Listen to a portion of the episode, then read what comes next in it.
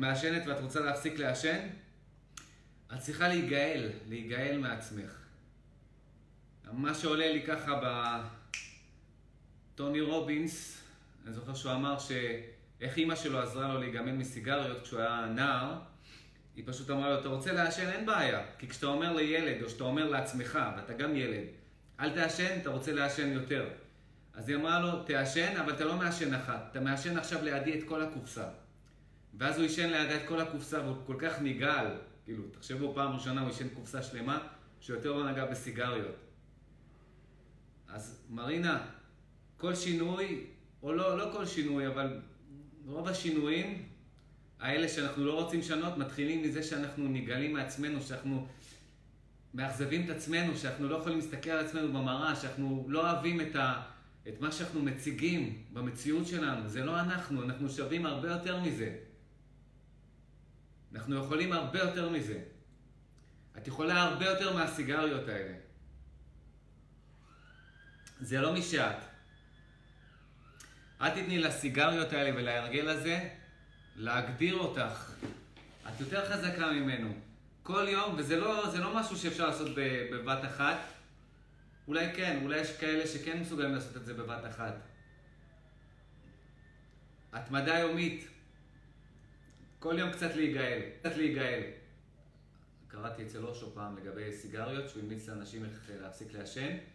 זה אותו, אותו, אותו סיפור של לא להגיד לא ישר או משהו כזה, פשוט תעשני, אבל תעשי את זה עם מודעות מלאה, ב slow motion, אפילו מול מראה.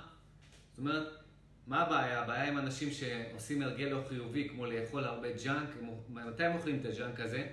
כשהם לא מודעים, הם רואים איזשהו סרט או מדיה חברתית או משהו, הם מעסיקים את ה mind שלהם, והם לא שמים לב איך שהם מכניסים את זה פנימה, ואז כבר מאוחר מדי, הם כבר טחנו איזה חפיסה שלמה של איזה ג'אנק, אוקיי?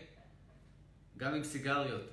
אנשים שמעשנים, במיוחד שנים, הם לא מודעים לזה בכלל שהם מעשנים. זה, זה על אוטומט.